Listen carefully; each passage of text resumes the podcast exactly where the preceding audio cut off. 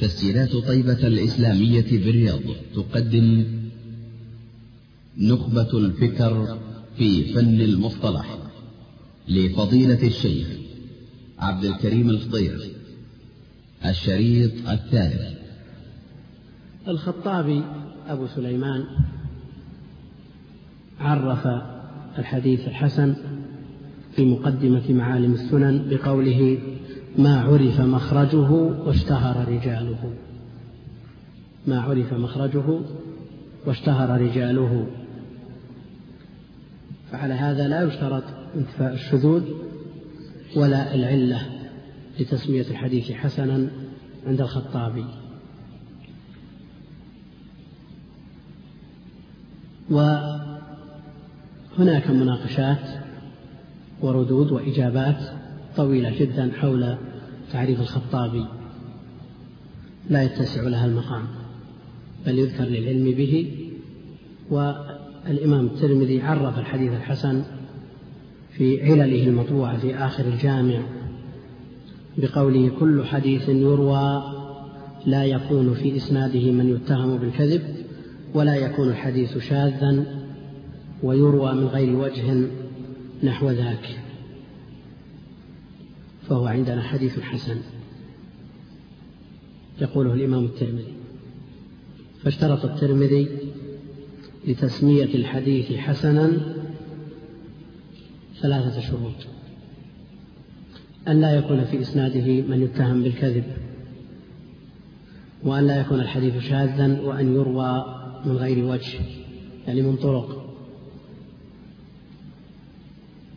والإمام الترمذي رحمه الله ينبغي العناية بكلامه والحرص على فهمه وتطبيقه لأنه هو الذي شهر الحديث الحسن.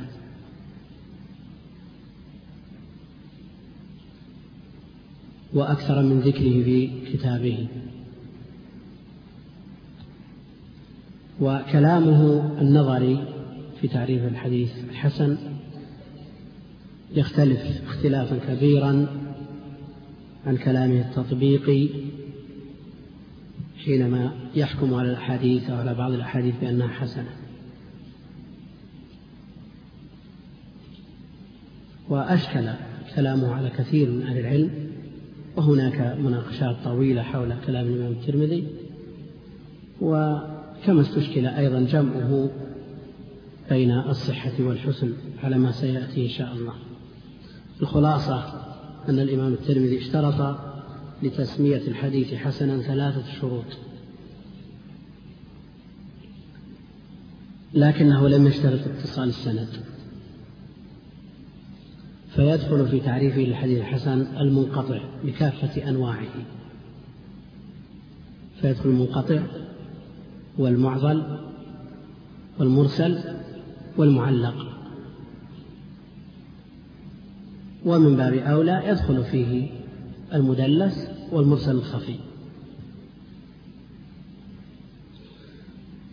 كما أنه لم يشترط انتفاء العلة القادحة فيدخل في تعريف الحديث الحسن المعل.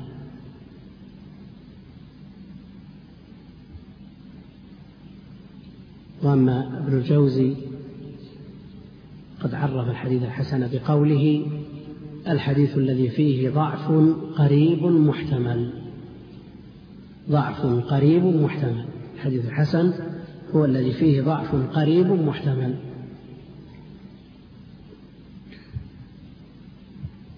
وعليه أيضا ملاحظات طويلة وحوله مناقشات وردود.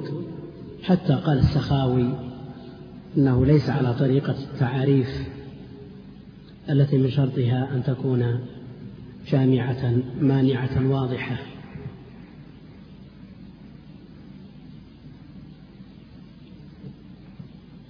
فالمعتمد في تعريف الحديث الحسن هو اختيار الحافظ رحمه الله وإن كان غير جامع للنوعين لنوعي الحسن الحسن لذاته والحسن لغيره إلا أن الإرادات عليه أقل من الإرادات على تعريف أخرى. ومن أهل العلم من يرى أنه لا مطمع في تمييز الحسن وأنه لا يمكن أن يوجد تعريف جامع مانع للحديث الحسن.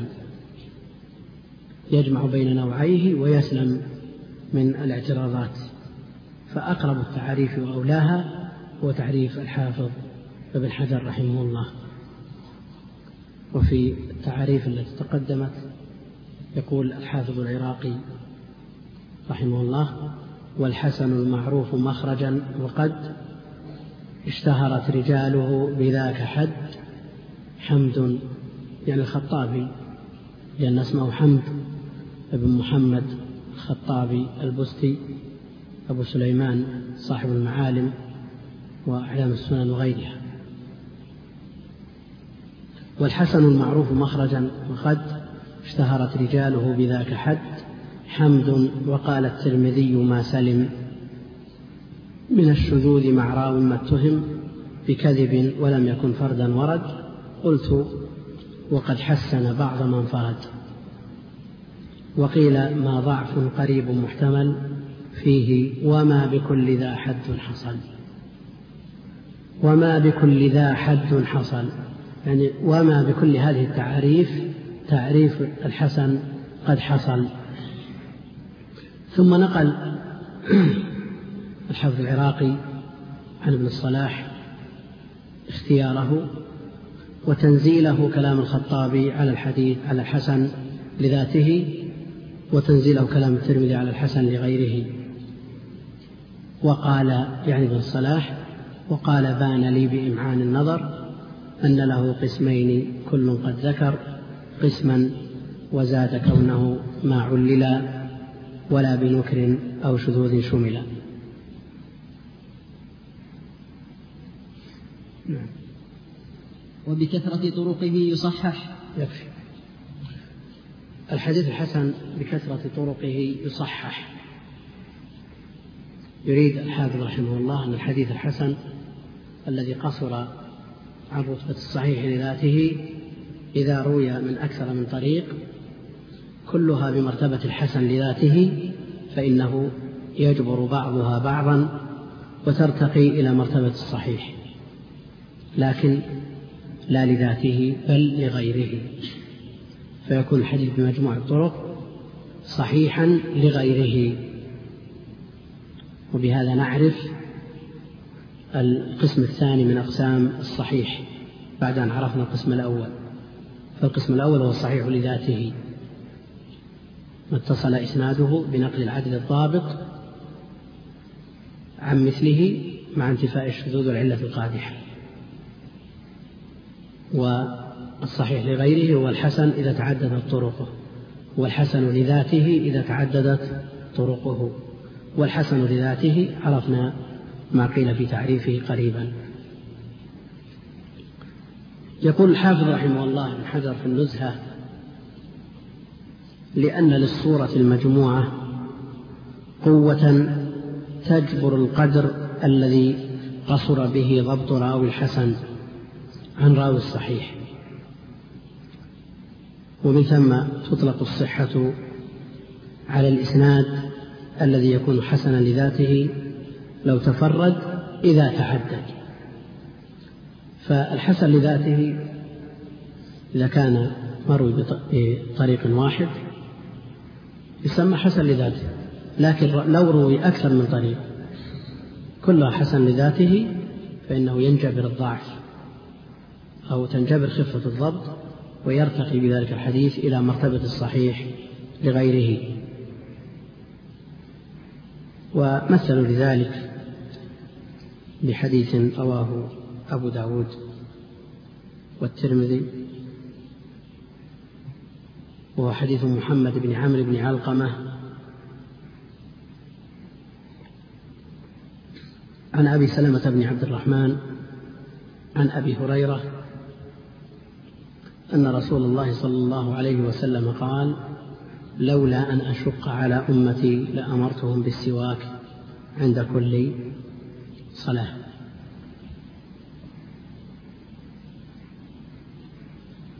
رواه الترمذي وقال صحيح. لأنه قد روي من غير وجه. لأنه قد روي من غير وجه عن أبي هريرة عن النبي صلى الله عليه وسلم.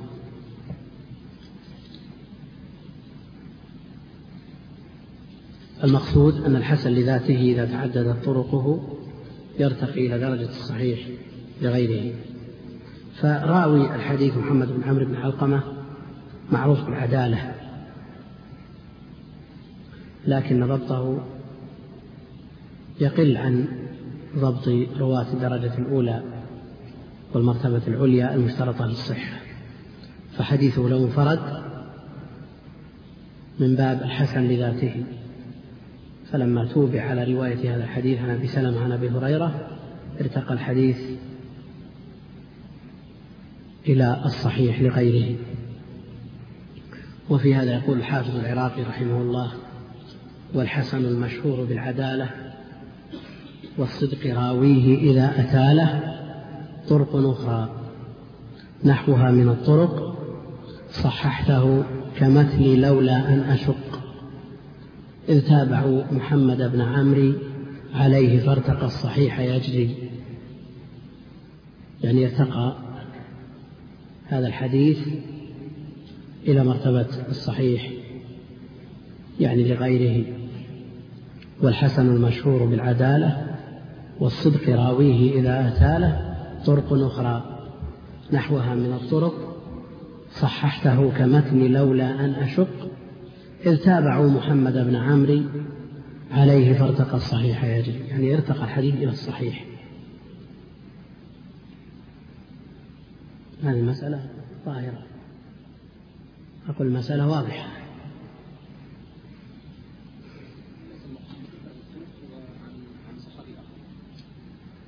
كيف؟ ليس المقصود يعني يروى من طريق آخر يعني عن صحابي آخر ولكن يروى من طريق آخر عن الشيخ المختلف في في شدة الضبط أو في شدة الضبط. هذا يأتي في بيان المتابع والشاهد الفرق بينهما. نعم.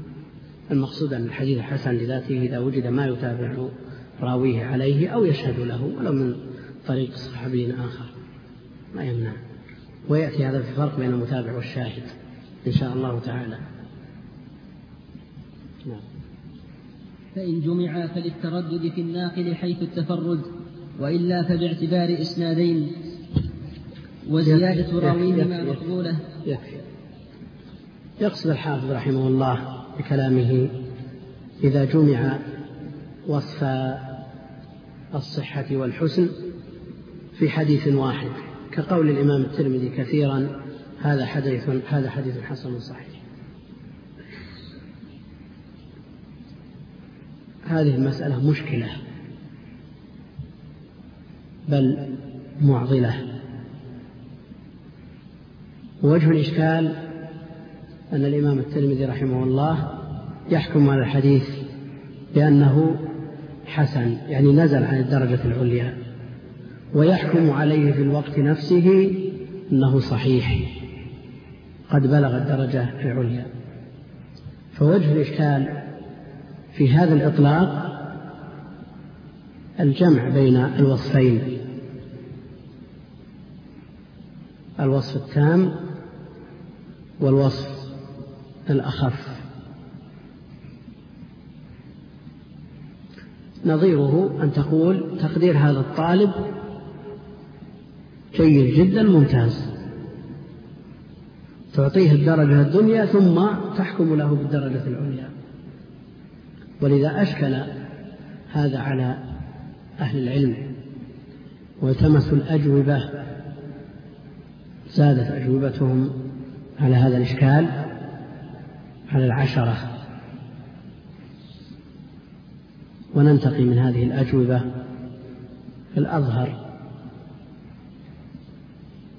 فإذا جمع الترمذي وكثيرا ما يفعل ذلك أو غيره بين الوصفين فحكم على حديث واحد بأنه حسن صحيح. الجواب عند الحافظ رحمه الله يقول فإن جمع فللتردد في الناقل حيث التفرد وإلا فباعتبار إسنادين. على كلام الحافظ لا يخلو الحديث المحكوم عليه بهذا الحكم من حالين. الحالة الأولى أن يروى الحديث بإسناد واحد. فإطلاق الوصفين عليه ناشئ عن التردد الحاصل من المجتهد الذي حكم على هذا الحديث. فإطلاق الوصفين ناشئ عن التردد الحاصل من المجتهد في راويه الناقل له. هل اجتمعت فيه شروط الصحة أو قصر عنها؟ حينما روى الحديث بإسناد واحد ثم أراد أن يحكم عليه حكم عليه بأنه حسن صحيح. طيب لماذا لا يحكم عليه بأنه حسن؟ أو يحكم عليه بأنه صحيح فقط. الجواب عن هذا أن هذا الإمام متردد. هل بلغ هذا الحديث مرتبة الصحيح أو نزل عنها قليلا إلى مرتبة الحسن؟ والسبب في ذلك تردد. هذا المجتهد في حكمه على راويه. هل بلغ الدرجة العليا من الضبط والحفظ والإتقان أو قصر عن ذلك؟ فلهذا التردد قال حسن صحيح.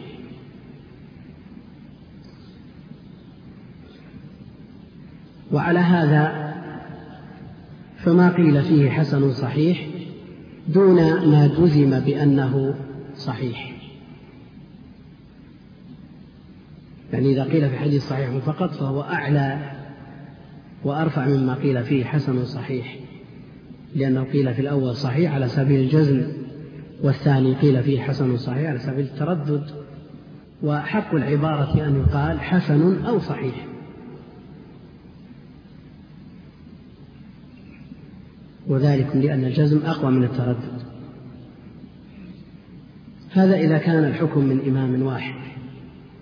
وقد يحكم الشخص على الحديث بأنه حسن أو صحيح بناء على اختلاف الأئمة في الحكم على هذا الحديث. فبعضهم حكم عليه بأنه صحيح وبعضهم قال إنه حسن. فلوجود مثل هذا الخلاف يجمع بين الحكمين. فالحديث عند من حكم عليه بهذا الحكم صحيح لكنه مشرب بحسن. ليس بصحيح جزما لأن الراوي متردد فيه أو لأن العلماء اختلفوا في الحكم عليه. ونظيره قولهم في البرتقال مثلا حامض حلو. نعم فهو حامض إلا أنه مشرب بحلاوة.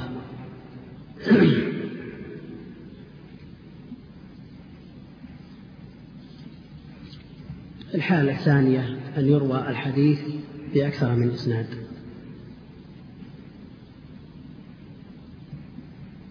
إذا روي الحديث بأكثر من إسناد فإطلاق الوصفين معا على هذا الحديث يكون باعتبار الإسنادين.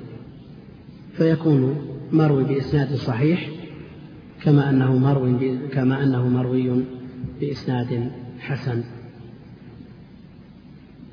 فيكون صحيحا باعتبار الإسناد الأقوى وحسن باعتبار الإسناد الذي هو دونه. وعلى هذا فما قيل فيه حسن صحيح أقوى مما قيل فيه صحيح فقط. لماذا؟ لأن فيه جزم بالصحة لما توافرت فيه شروط الصحة من الإسنادين إضافة إلى الإسناد الآخر والحديث كلما تتعدد طرقه أقوى له فهو حديث صحيح وحسن فهو فوق ما قيل فيه صحيح فقط.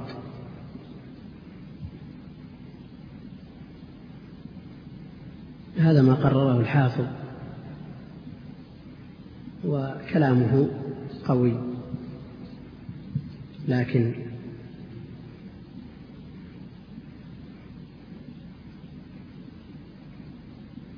يرد عليه إيرادات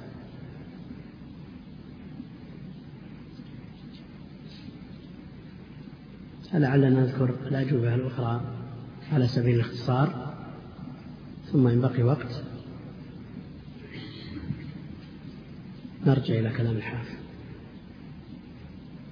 هناك جواب آخر وهو أن المراد بالحسن الحسن اللغوي والصحة المراد بها الصحة الاصطلاحية.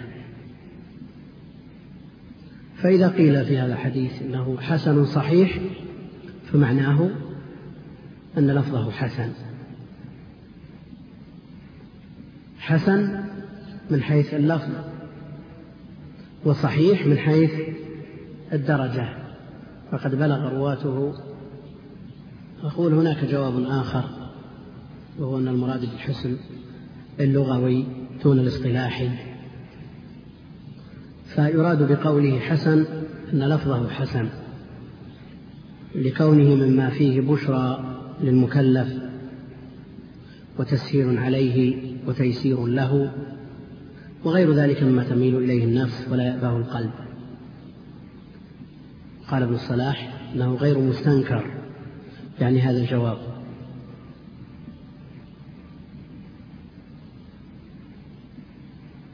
أورد عليه بعضهم أن بعض الأحاديث الضعيفة بل بعض الأحاديث الموضوعة في ألفاظها من الحسن والحلاوة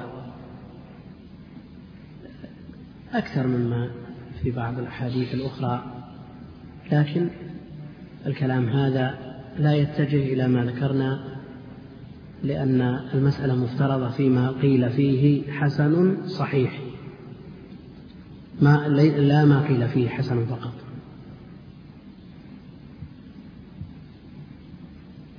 هناك جواب آخر وهو أن ما قيل فيه حسن صحيح حسن لأن العمل عليه فهو محكم غير منسوخ وعمل به أهل العلم وصحيح لأنه بلغ درجة الصحيح.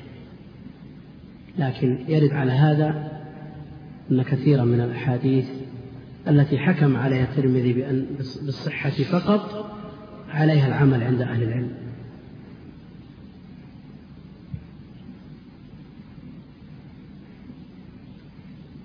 وهناك أجوبة أخرى لا نطيل بذكرها.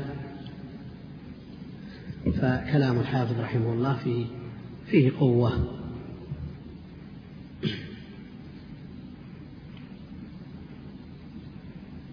وزيادة. نعم.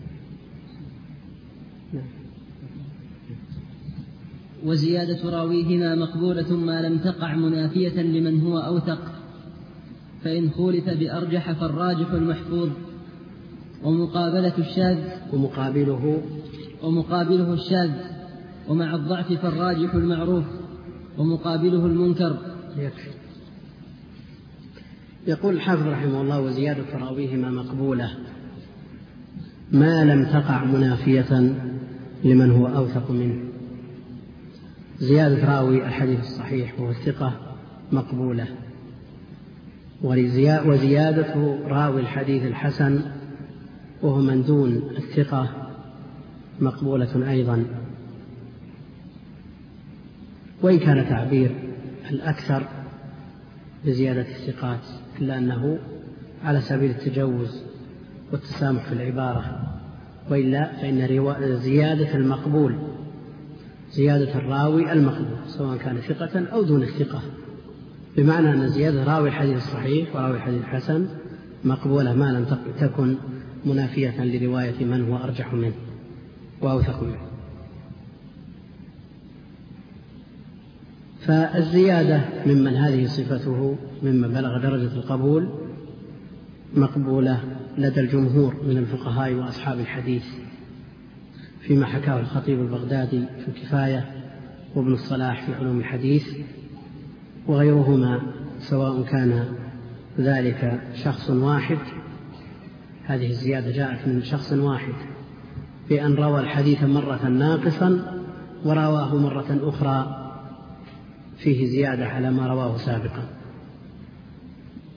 أو كانت تلك الزيادة من غير من رواه ناقصا.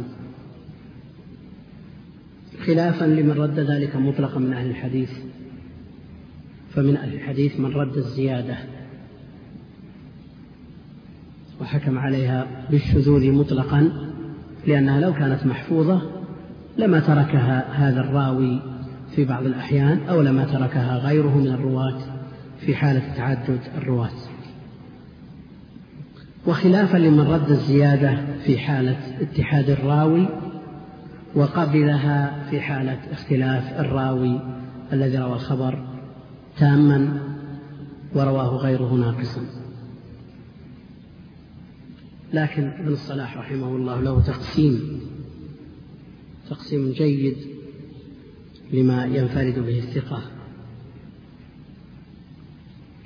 قسم ما يرويه الثقة إلى ثلاثة أقسام والمراد بالثقة هنا الراوي المقبول وإن لم يصل إلى درجة الثقة.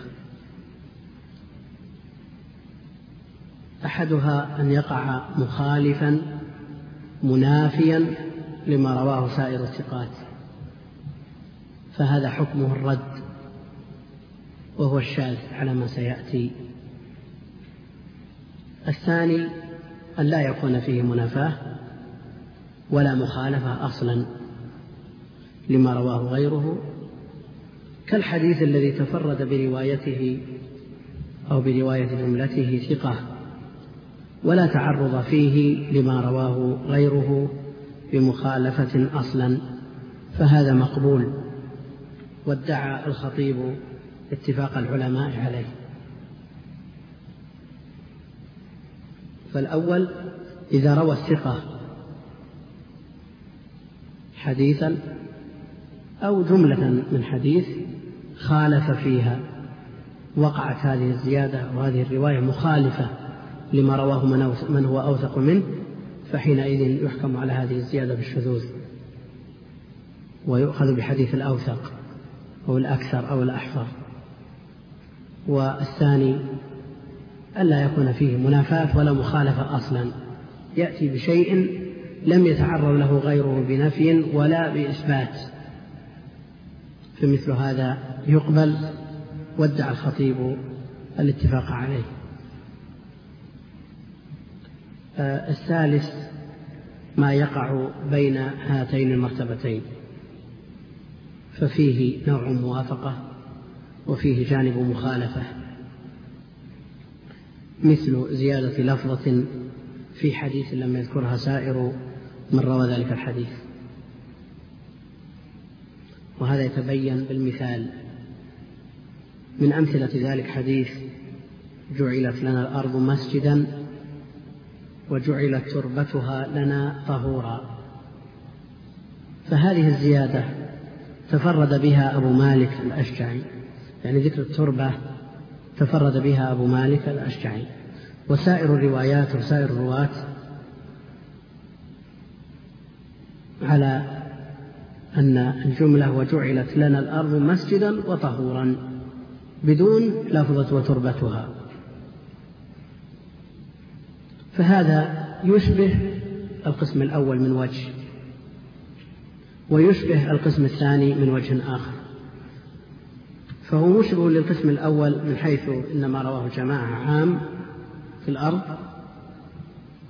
وما رواه المنفرد بالزيادة مخصوص وفي ذلك نوع مغايرة في الصفة وفيه أيضا نوع من المخالفة يختلف بها الحكم. ويشبه أيضا القسم الثاني من حيث أنه لا منافاة بينهما. بل روى جماعة اللفظ العام وروى هذا اللفظ الخاص. ويمكن أن يعمل باللفظ العام ويمكن أن يعمل باللفظ الخاص. ولذا اختلف العلماء في التيمم بمعاد التراب.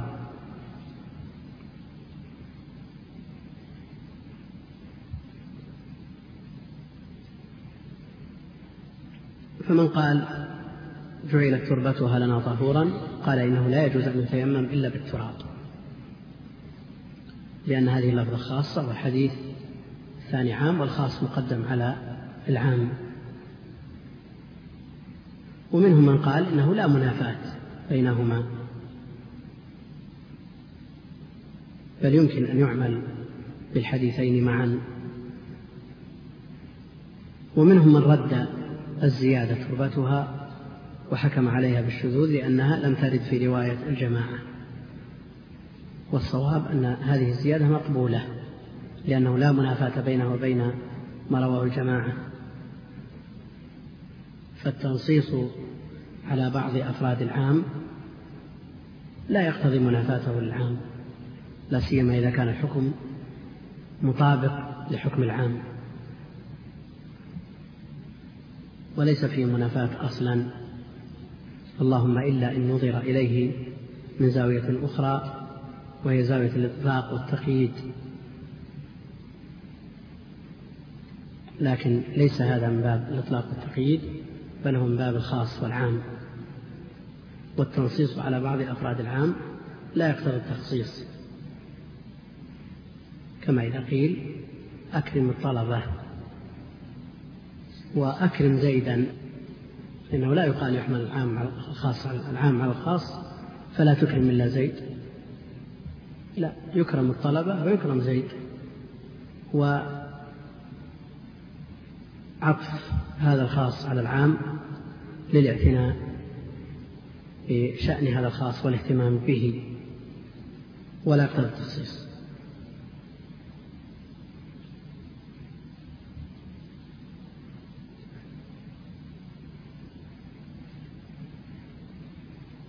إذا عرفنا هذا فالمسألة خلافية بين أهل العلم في قبول زيادة الراوي المقبول. الثقة ومن دونه ما لم يصل إلى درجة الرد.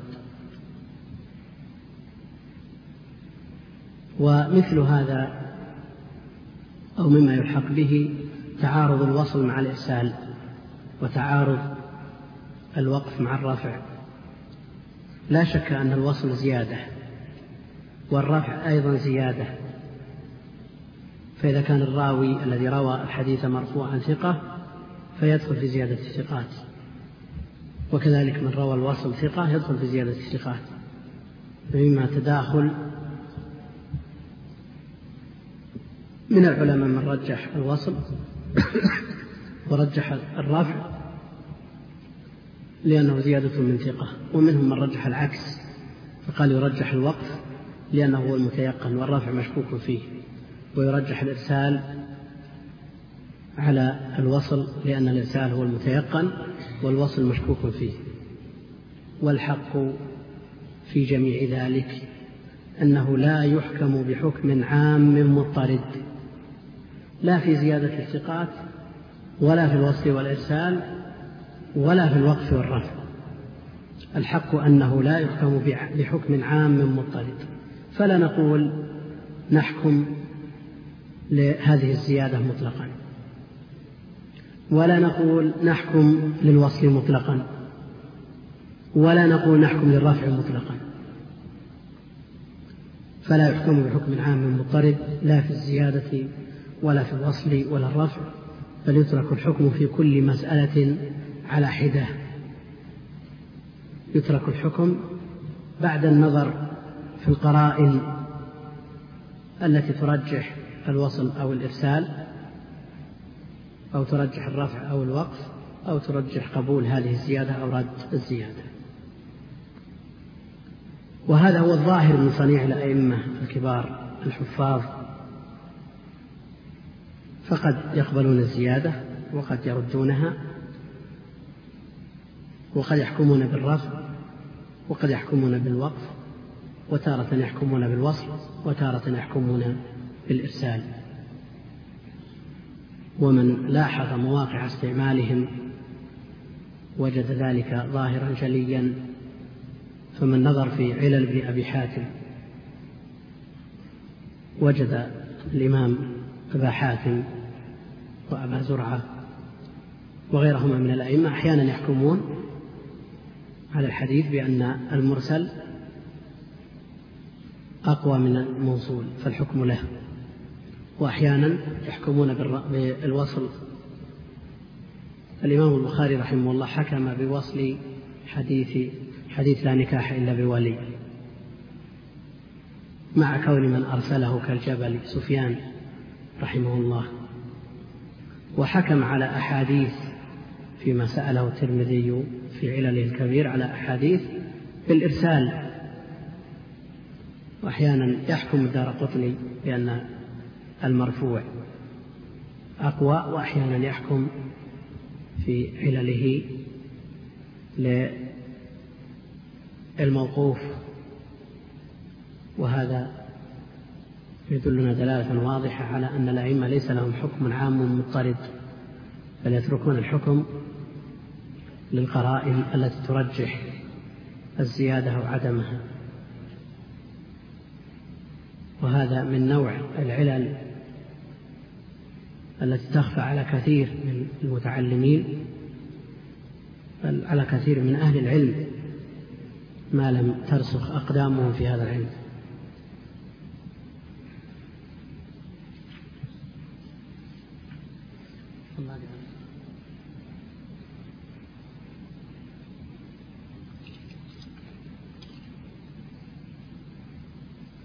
نجيب على هذا السؤال. يقول ما الطريقة المثلى لطلب علم المصطلح للمبتدئين؟ وما الكتب التي ينصح بقراءتها في هذا المجال؟ الطريقة المثلى بالنسبة للمبتدئين أن يحفظوا مثل هذا المتن المبارك وأن يحاولوا فهمه وقراءته على من يحله لهم من أهل العلم. ثم بعد ذلك إذا أتقن هذا المتن انتقل إلى ما هو أرفع منه وأعلى كعلوم الحديث بالصلاح ثم قرأ فيما هو أطول من ذلك مثل فتح المغيث للسخاوي. يقرأ ذلك علما نظريا مجردا.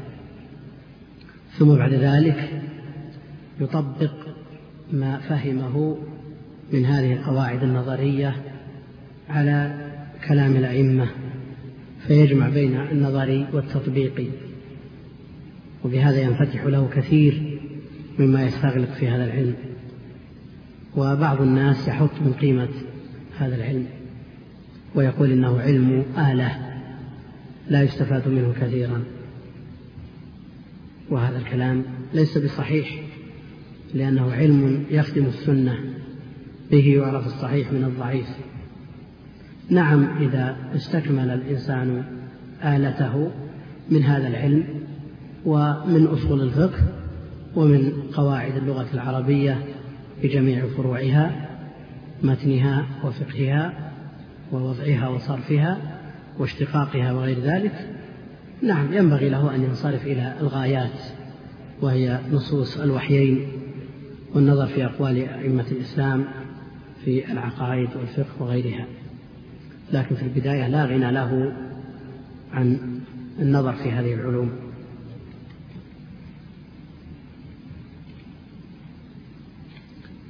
مثل ما يقال في كتب علوم الحديث يقال في غيرها من العلوم فيبدأ بالمختصرات المتون تحفظ وتفهم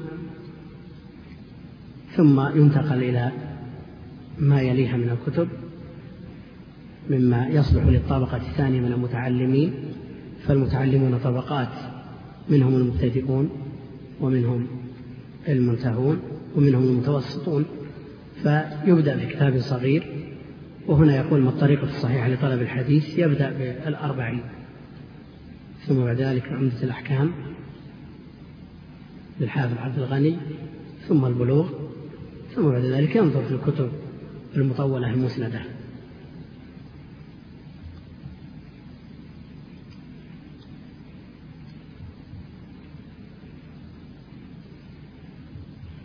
هذا يسأل عن حكم الحديث أو العمل بالحديث الضعيف لعل البسط في هذا الموضوع لأنه موضوع في غاية الأهمية يكون في ما يتلو من الدروس بمشيئة الله لأنه موضوع في غاية الأهمية وهو موضوع تباينت فيه أقوال أهل العلم وطال كلامهم فيه. هذا سؤال يتعلق بالدرس الماضي في شرط الإمام مسلم. حول ما ذكرناه نقلا عن الحازمي أن الإمام مسلم رحمه الله يستوعب أحاديث الطبقة الأولى وهم الذين عرفوا بالحفظ والضبط والإتقان مع تمام العدالة وملازمة الشيوخ. وكذلك يستوعب أحاديث الطبقة الثانية وهم الذين عرفوا كالأولى بالحفظ والضبط والإتقان لكنهم أقل ملازمة. أقل ملازمة الطبقة الأولى والثالثة. وقد يكتفي مسلم في الطبقة الثانية بمجرد المعاصرة. وليس معنى هذا أنه أن أحاديث الإمام مسلم ليس فيها لقاء بين الراوي وبين من روى عنه وسماع بين أو سماع ممن روى عمن روى عنه وإنما ذكر في صحيحه أن السند المعنعن إذا عرف المعنعن بمعاصرة من روى عنه فإنه يكتفي بذلك ولا يشترط ثبوت اللقاء. مع أنه يشترط إمكان اللقاء بحيث لا يستحيل اللقاء. فاكتفاؤه بالمعاصرة تتنزل على الطبقة الثانية الذين لم يلازموا الشيوخ ملازمة كملازمة أصحاب الطبقة الأولى والثالثة.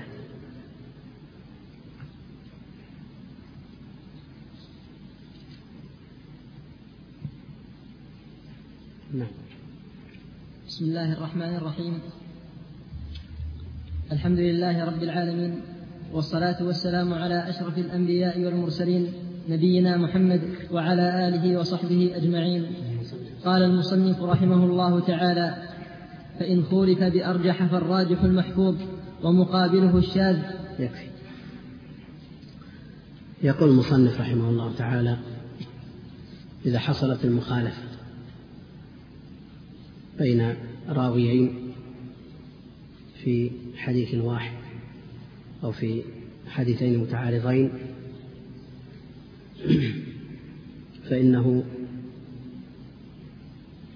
لا بد من الترجيح بينهما بين هذه بين هذين الراويين.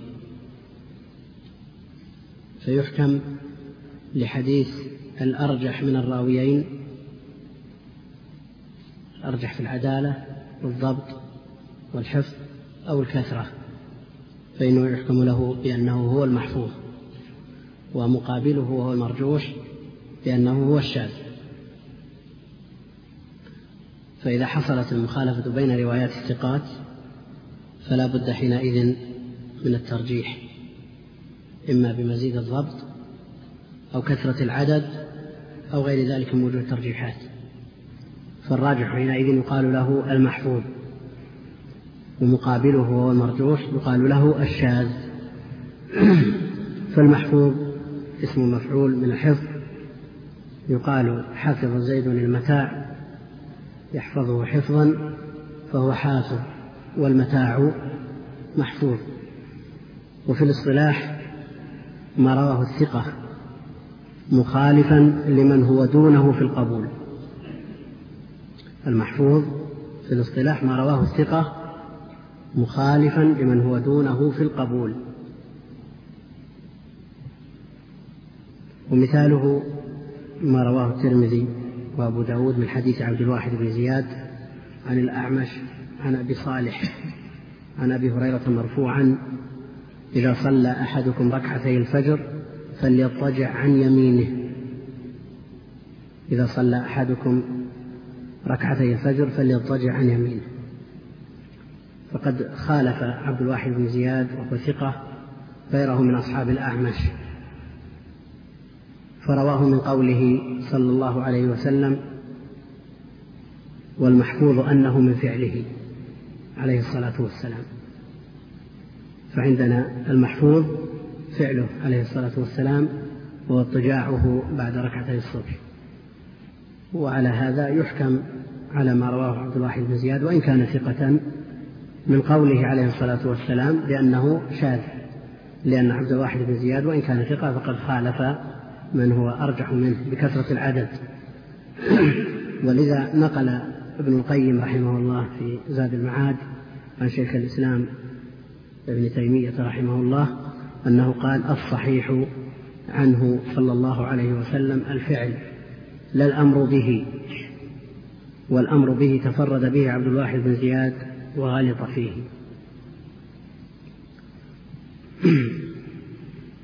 إذا عرفنا هذا إذا عرفنا المحفوظ فلنعرف مقابله وهو الشاذ.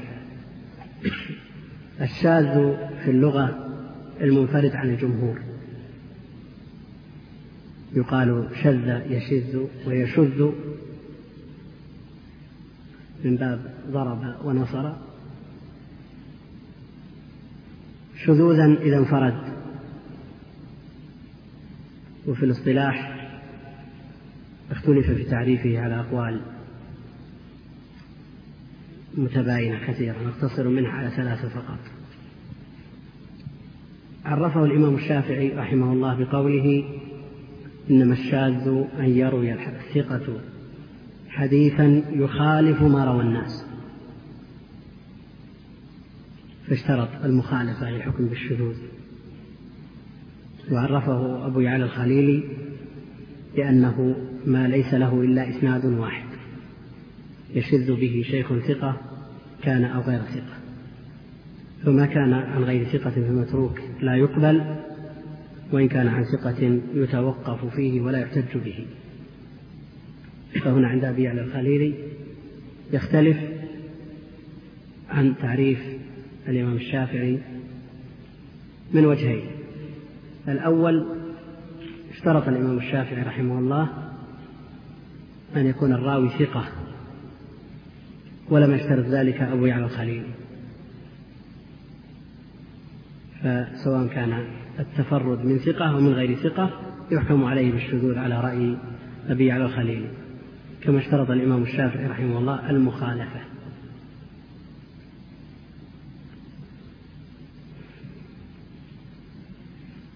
وذكر الحاكم أبو عبد الله أن الشاذ هو الحديث الذي ينفرد به ثقة من الثقات وليس له أصل بمتابع لذلك الثقة.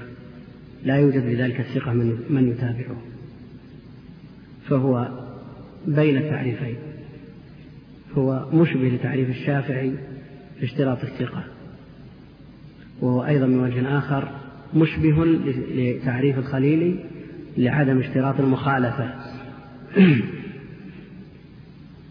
قال ابن الصلاح في علوم الحديث أما ما حكم الشافعي عليه بالشذوذ فلا إشكال في أنه شاذ غير مقبول.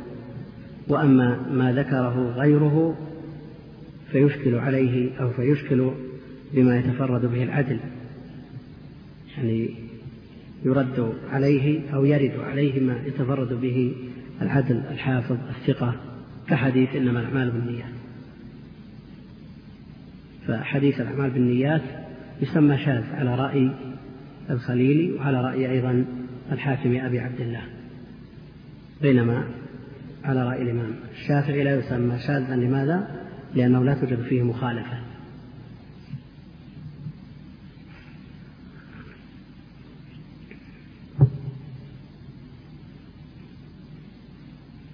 قال الحافظ العراقي رحمه الله وذو الشذوذ ما يخالف الثقة فيه الملا فالشافعي حققه.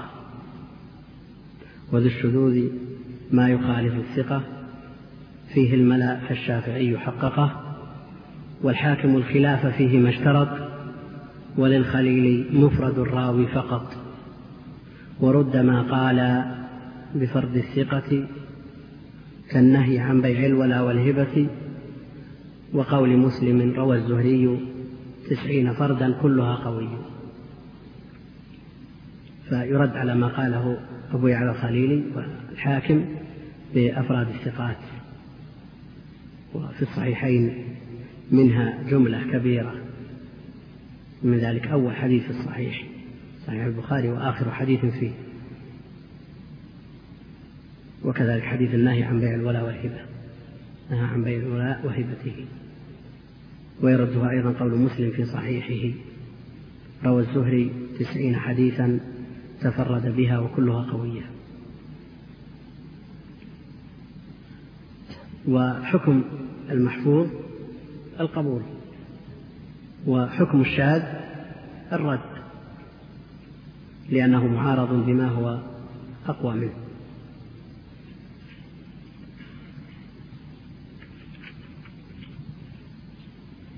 نعم. ومع الضعف فالراجح المعروف ومقابله المنكر. يكفي.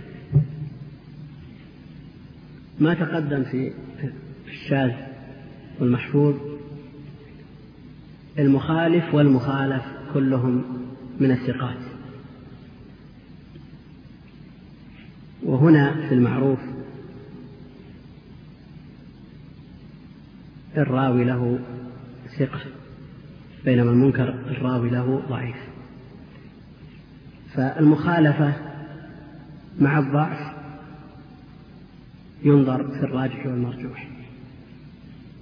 فالراجح هو المعروف وحديث الثقة والمرجوح هو مقابله حديث الضعيف يحكم عليه بالنكارة.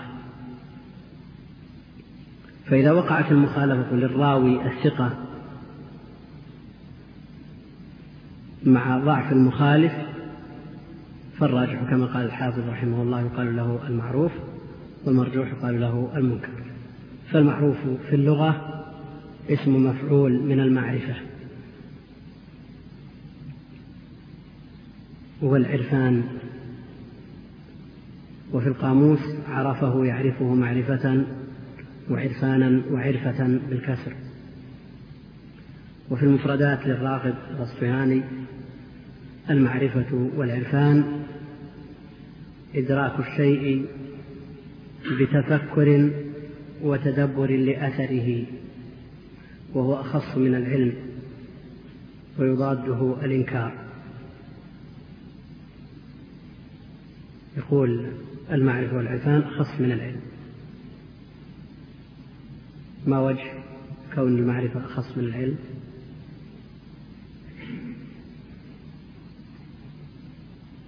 نعم.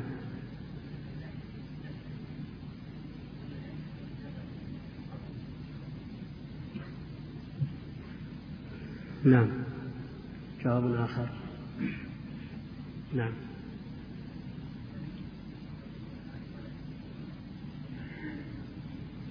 نعم. يعني المعرفة أعلى من العلم. غيره.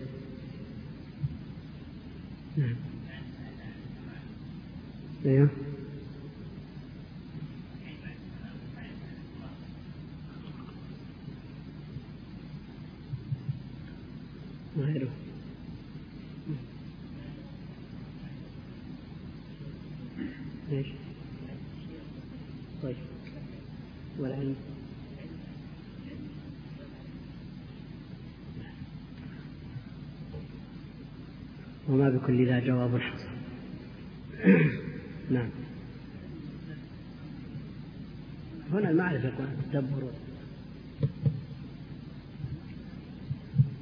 يقول إدراك الشيء بتفكر وتدبر لأثره. خطأ. نعم. غيره. يعني ما يوصف الإنسان بأنه عالم إلا إذا كانت عنده معلومات قطعية نعم. طيب.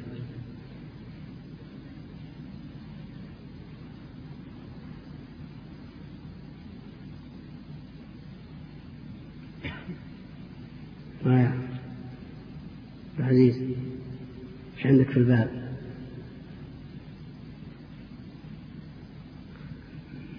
فرقوا بين العلم والمعرفة. نعم. نعم. هذا هو الجواب. المعرفة مستلزمة لسبق الجهل بخلاف العلم. المعرفة مستلزمة لسبق الجهل بخلاف العلم. ولذا قالوا إن الله سبحانه وتعالى يوصف بالعلم ولا يوصف بالمعرفة لأن المعرفة تستلزم سبق الجهل. من يقول بهذا الكلام؟ كيف يجيب عن حديث تعرف على الله في الرخاء يعرفك في الشدة.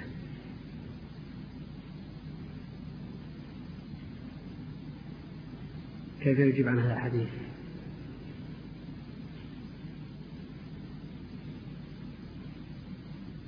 نعم.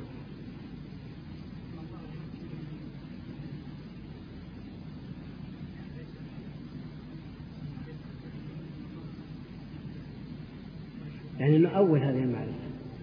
نؤول هذه المعرفة.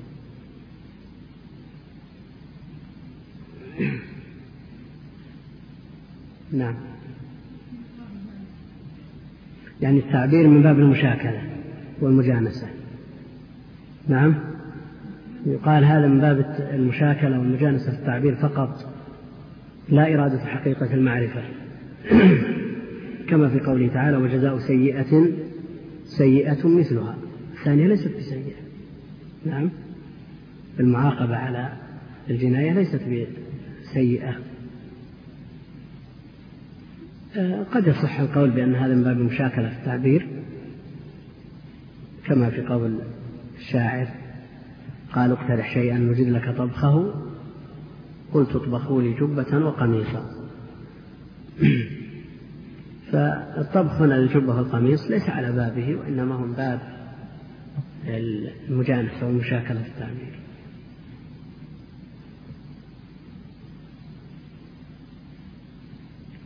نعود إلى درسنا.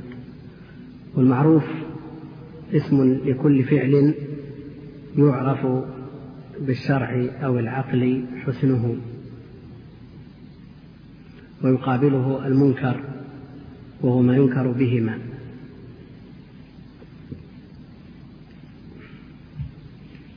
والمعروف في الاصطلاح ذكر الحافظ أنه مقابل المنكر. فإذا كان المعتمد في تعريف المنكر أنه ما رواه الضعيف مخالفا فيه الثقات فإن تعريف المعروف يكون حينئذ حديث الثقة الذي خالف رواية الضعيف. وعلى هذا كثير من المحدثين بل هو الذي استقر عليه الاصطلاح عند المتأخرين في تعريف المعروف والمنكر. يقول السيوطي في ألفيته المنكر الذي روى غير الثقة مخالفا في نخبة قد حققه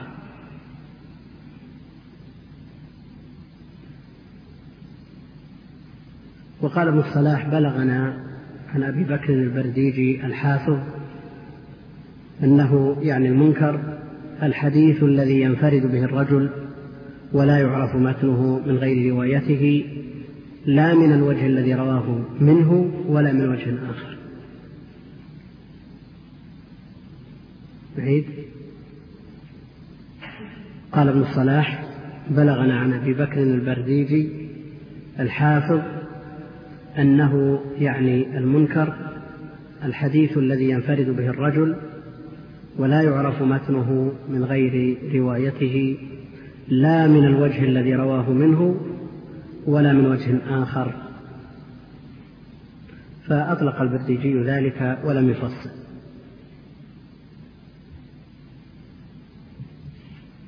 فأطلق النكارة على مطلق التفرد. قال ابن الصلاح وإطلاق الحكم على التفرد بالرد أو النكارة أو الشذوذ موجود في كلام كثير من أهل الحديث. وإطلاق الحكم على التفرد بالرد أو النكارة أو الشذوذ موجود في كلام كثير من أهل الحديث. وفي هذا يقول الحافظ العراقي رحمه الله والمنكر الفرد كذا البرديجي أطلق والصواب في التخريج. إجراء تفصيل لدى الشذوذ مر فهو بمعناه كذا الشيخ ذكر نحو كل البلح بالتمر الخبر. ومالك سمى ابن عثمان عمر.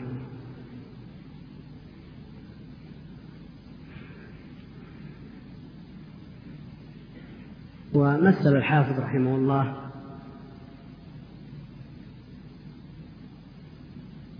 المنكر بما رواه ابن أبي حاتم من طريق حبيب بن حبيب وهو أخو حمزة بن حبيب الزيات المقرئ الشهير. عن أبي إسحاق عن العيزار بن حريث عن ابن عباس رضي الله عنهما عن النبي صلى الله عليه وسلم قال من أقام الصلاة وآتى الزكاة وحج البيت وصام وقرى الضيف دخل الجنة. والحديث رواه ابن أبي حاتم في العلل ورواه أيضا الطبراني وابن عدي وغيرهما. قال أبو حاتم هو منكر لأن غيره من الثقات رواه عن أبي إسحاق موقوفا يعني على ابن عباس وهو المعروف.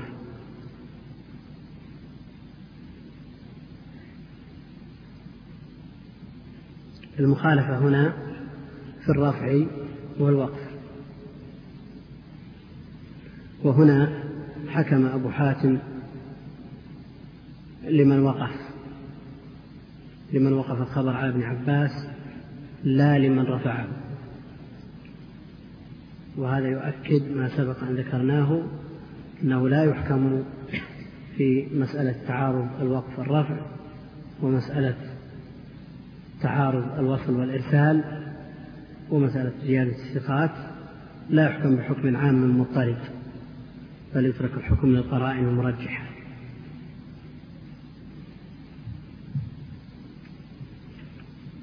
والتمثيل بما ذكره الحافظ العراقي رحمه الله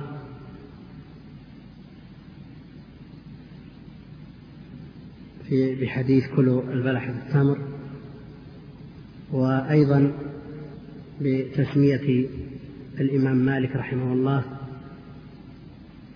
آه، عمر بن عثمان بضم العين وغيره من الحفاظ يقولون عمرو بفتح العين. هذا جار على اصطلاح من؟ هل يمشي على اصطلاح الحافظ بن حجر؟ وما تعرف عليه المتأخرون من من أن المنكر ما يخالف فيه الضعيف الثقات؟ حكموا على قول الإمام مالك عمر بن عثمان في اسم راوي من الرواة بينما غيره من الثقات يقولون عمرو بن عثمان. حكموا عليه بالنكارة. هذا لا يجري على ما اعتمده المتأخرون وذكره الحافظ من أن المنكر مخالفة الضعيف. فالمخالف هنا نجم السنن الإمام مالك رحمه الله.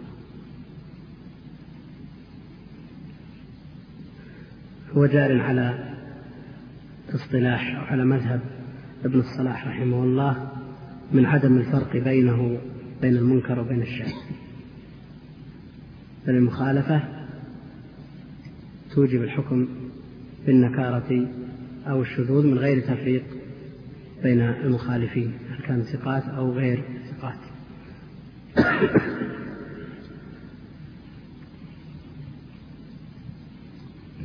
نعم. والفرد النسبي إن وافقه فهو المتابع. إن وافقه غيره. غيره. والفرد النسبي إن وافقه غيره فهو المتابع. علق. لا بد منها. لا يستقيم الكلام بدون والفرد النسبي إن وافقه غيره فهو المتابع وإن وجد متن يشبهه فهو الشاهد وتتبع الطرق لذلك هو الاعتبار ثم المقبول. يكفي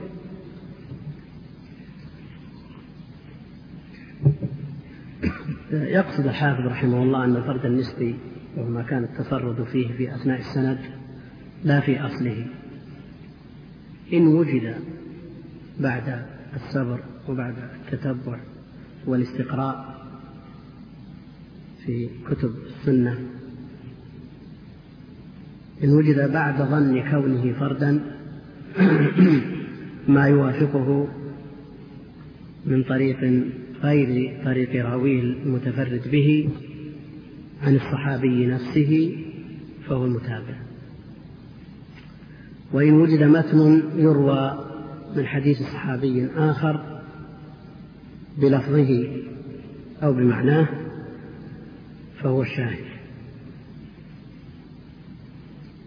فعلى هذا الكلام النظر في الصحابي إن اتحد الصحابي في المتابعة وإن اختلف في الشواهد. فالمتابع بكسر الباء الموحدة اسم فاعل من المتابعة بمعنى الموافقة. وفي الاصطلاح هو الحديث الذي يشارك فيه رواته راوي الحديث الفرد لفظا ومعنى أو معنى فقط مع الاتحاد في الصحابي في المتابعات لا بد من اتحاد الصحابي ولو اختلف المعنى. والشاهد اسم فاعل من الشهادة وفي الاصطلاح هو الحديث الذي يشارك فيه رواته راوي الحديث الفرد لفظا ومعنى أو معنى فقط مع الاختلاف في الصحابي وهذا ما جرى عليه الحافظ بن حجر رحمه الله من أن العبرة في المتابعات باتحاد الصحابي وفي الشواهد باختلاف الصحابة من غير نظر إلى المعنى واللفظ. والذي جرى عليه من الصلاح وجمع من أهل العلم النظر إلى اللفظ والمعنى. فإن روي الحديث بلفظه عن صحابي الحديث الفرد أو الغريب النسبي بلفظه عن نفس الصحابي أو غيره سمي متابعا. وإن روي, وإن روي بمعناه سواء اتفق الصحابي أو اختلف سمي شاهدا. فالمنظور إليه هو متن الحديث.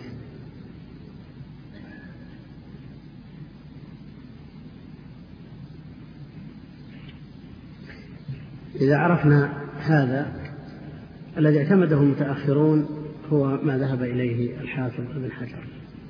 ساروا عليه في تخاريجهم فاعتمدوا طريقة الحافظ رحمه الله بتسمية ما يتحد فيه الصحابي متابع وما يختلف فيه شاهد. والخطب سهل. والخلاف الأصلي سواء سميناه سميناه متابعا أو شاهدا فالمقصود من المتابع والشاهد التقوية. والمتابعات كما ذكر الحافظ رحمه الله على مراتب. لأنها إن حصلت للراوي نفسه فهي المتابعة التامة وإن حصلت لشيخه فمن فوقه فهي القاصرة. والفائدة من المتابعات والشواهد هي التقوية كما ذكرنا. إن حصلت المتابعة للراوي نفسه فهي التامة. فمثلا روى الإمام البخاري في أول صحيحه قال حدثنا الحميدي قال حدثنا سفيان عن يحيى بن سعيد الأنصاري عن محمد بن إبراهيم التيمي عن علقمة بن وقاص الليثي عن عمر بن الخطاب رضي الله عنه قال سمعت رسول الله صلى الله عليه وسلم يقول إنما الأعمال بالنيات. هذا حديث فرد. لو وجدنا حديثا آخر من رواية أبي هريرة نسميه متابع ولا شاهد؟ نسميه شاهد على اصطلاح الحافظ ومن يوافقه عليه. ولو وجدنا الحديث مرويا عن عمر رضي الله عنه لكن من طريق غير علقمة بن وقاص طريق تابعي آخر.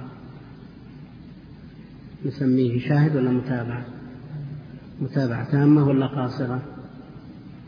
نعم قاصرة. وكذلك لو كانت رواية عن عمر وعنه علقمة وعن علقمة شخص آخر غير محمد بن إبراهيم التيمي. هذه متابعة وهي قاصرة أيضا. والقصور والتمام نسبي. فالمتابعة الأخيرة أتم من المتابعة التي قبلها. وكذلك لو وجدنا من يروي الحديث عن محمد بن إبراهيم التيمي غير يحيى بن سعيد الأنصاري مع أن هذا على سبيل الفرق وإلا الذي قرره أهل العلم أنه لا يصح إلا من هذا الطريق. وعن يحيى بن سعيد انتشر الحديث حتى قال الهروي أنه رواه عن يحيى بن سعيد أكثر من سبعمائة شخص.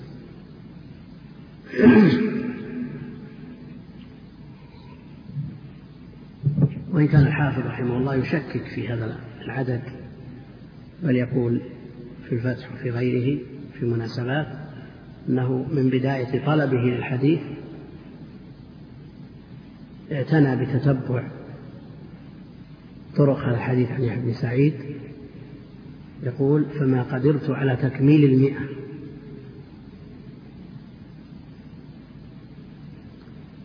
ومثلوا للمتابع والشاهد بحديث الشهر تسع وعشرون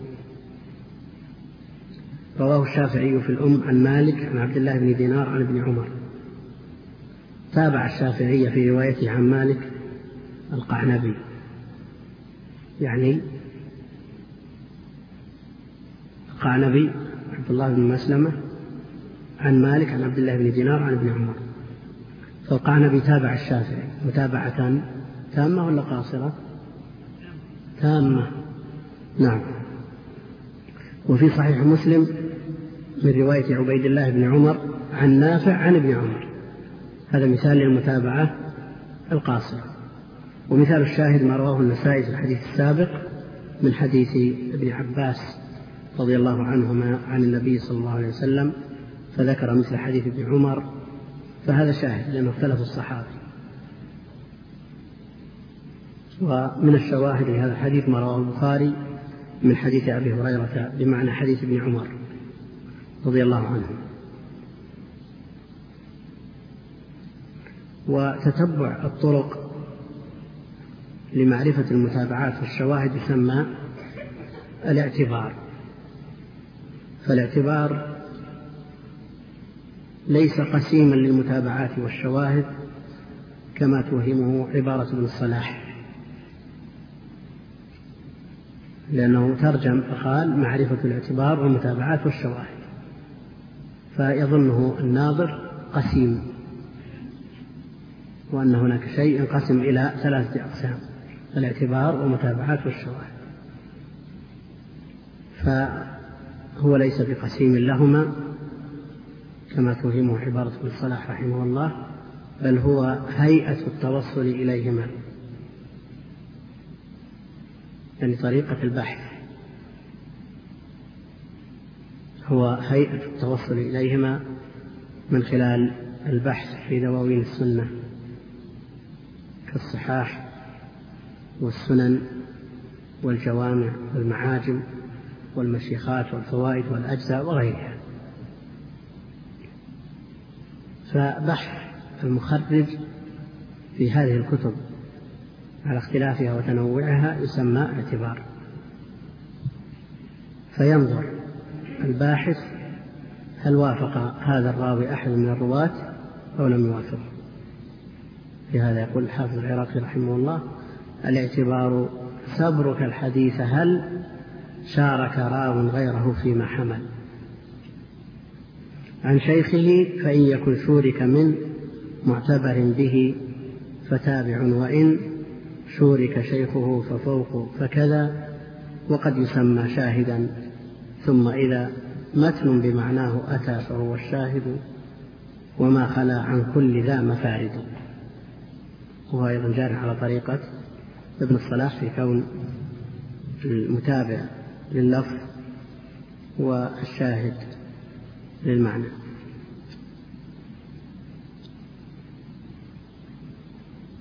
نعم. ثم المقبول إن سلم من المعارضة فهو المحكم هذا تقسيم ثان للمقبول. تقدم تقسيم المقبول إلى صحيح وحسن. وعرفنا الصحيح بنوعيه الصحيح لذاته والصحيح لغيره. وعرفنا الحسن لذاته وبقي من المقبول الحسن لغيره لأنه لأن تعريفه مرتب على تعريف الضعيف المردود. هذا تقسيم ثاني للمقبول وهو تقسيمه إلى معمول به وغير معمول به.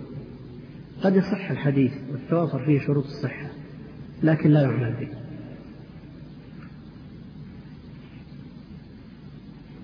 وقد يصح ويعمل به وهذا هو الكثير وغالب كيف لا يعمل بالحديث وقد صح؟ نقول نعم. إن عورض بما هو أقوى منه لا يعمل به. وإن سلم من المعارضة فلم يأتي خبر يضاده فيما اشتمل عليه من الحكم فهو المحكم والذي يعارض بخبر آخر له اسم يأتي قريبا إن شاء الله. فالمحكم لغة مأخوذ من الإحكام. وهو الإتقان.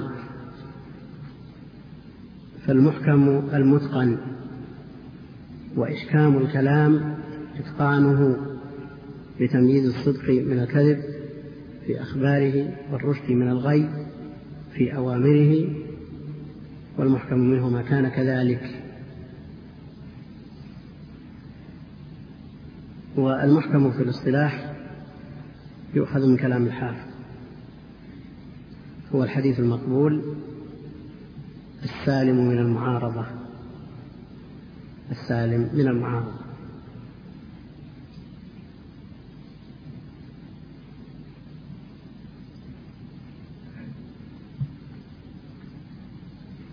هذا ما يفهم من كلام الحافظ رحمه الله.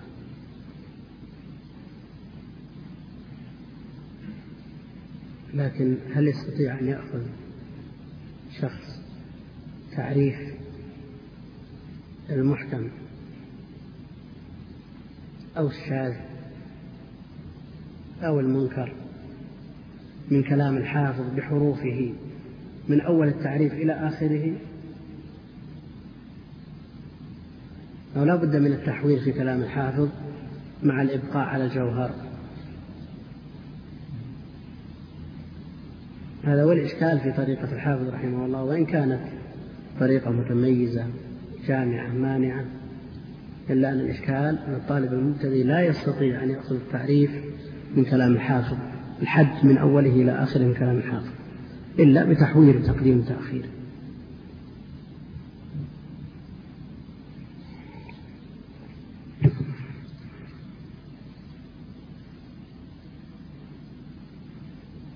وهذا يدلنا على أن جميع الكتب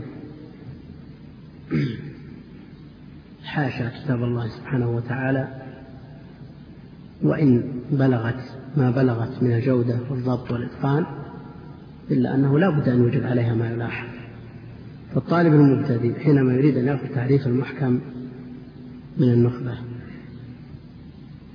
يصعب عليه إلا أن يقدم ويؤخر ويحول في الكلام. وذكرنا مزايا هذا الكتاب فيه جمع للفكر فيه حصر فيه ربط فيه سبر دقيق للأقسام بحيث لا يوجد مثله في طريقته وترتيبه إلا أنه يؤخذ عليه ما ذكر ولو كان من عند غير الله لوجدوا فيه اختلافا كثيرا. وأمثلة المحكم كثيرة جدا بل هي أكثر ما روي عنه عليه الصلاة والسلام. والذي يقابل المحكم في علوم القرآن هو إيش؟ المتشابه والذي يقابل المحكم في علوم الحديث هو إيش؟ مختلف الحديث وإن عورض بمثله فإن, فإن أمكن الجمع فمختلف الحديث يعني أن الخبر المقبول إن عورض بخبر مثله مقبول حسن أو صحيح فإن أمكن الجمع بين الخبرين المتعارضين المقبولين فمختلف الحديث. وإن كان الحديث المعارض أو الحديث المعارض مردودا فلا أثر له لأن القوي لا تؤثر فيه مخالفة الضعيف وهذا سبق في المنكر.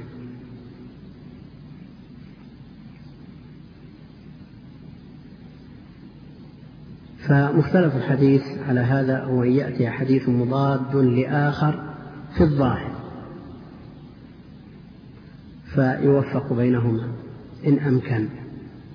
فإذا أمكن سمي مختلف الحديث. والتوفيق بين الأحاديث المتعارضة ليس بالأمر السهل بل هو أمر في غاية الدقة وهو من أهم أنواع علوم الحديث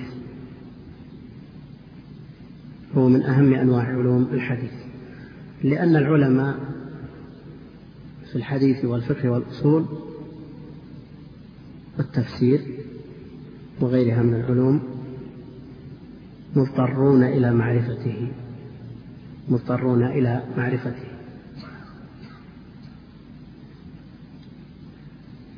كيف يكون محدثا وعنده الأحاديث المتعارضة يقف أمامها حيران؟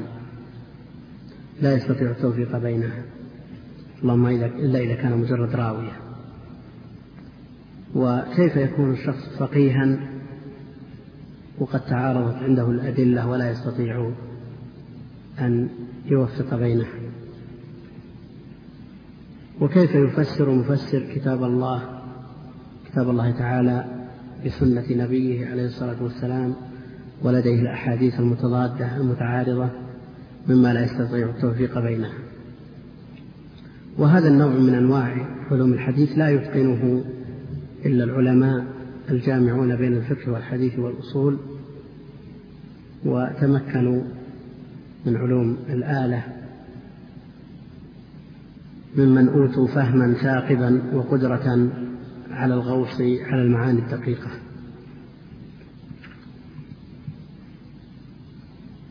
ومن هؤلاء الأئمة من برز في هذا الجانب إمام الأئمة محمد بن إسحاق بن خزيمة وهو إمام الأئمة يسميه شيخ الإسلام وغيره من المتقدمين والمتأخرين وإن رغمت أنوف المخالفين. وإن رماه بعضهم بالعظائم سبه وكال له الشتائم وسمى كتابه الفذ الفرد كتاب التوحيد سماه كتاب الشرك هذا موجود عند بعضهم. والله المستعان. من هؤلاء إمام الأئمة محمد بن إسحاق بن خزيمة رحمه الله الذي قال عنه تلميذه ابن حبان ما رأيت على أديم الأرض من كان يحسن صناعة السنن ويحفظ الصحاح كلها بألفاظها ويقوم برد كل لفظة تزاد في الخبر حتى كأن السنن كلها نصب عينيه إلا محمد بن إسحاق بن خزيمة. ويقول ابن خزيمة نفسه عن نفسه لا أعرف عن النبي صلى الله عليه وسلم حديثين صحيحين متضادين. فمن كان عنده فليأتني لأؤلف بينهما.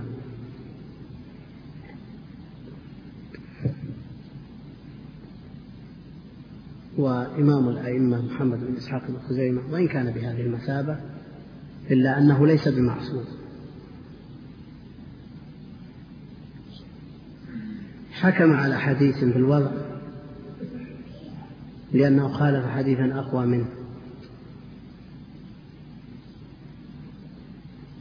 والسبب في ذلك أنه لم يستطع الجواب والتوفيق بينهم والتوفيق سهل وميسور.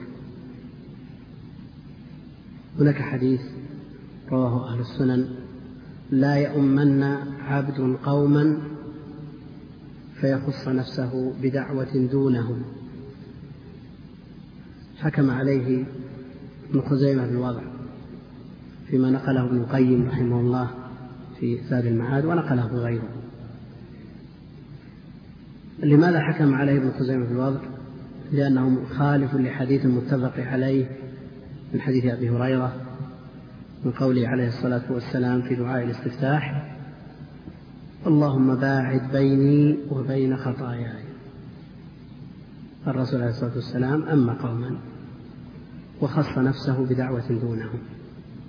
يقول هذا حديث صحيح متفق عليه وذاك حديث لكنه في السنن. من الأمر السهل أن يحكم على حديث الوضع؟ لا. حكم عليه بالوضع لأنه مخالف لما هو أقوى منه. لا يمكن في نظر إمام الأئمة أن يقول الرسول عليه الصلاة والسلام لا يؤمن عبد قوما فيخص نفسه بدعوة دونهم وهو في الوقت نفسه يقول اللهم باعد بيني وبين خطايا. ولكم تحيات إخوانكم في تسجيلات طيبة الإسلامية بمدينة الرياض. والسلام عليكم ورحمة الله وبركاته.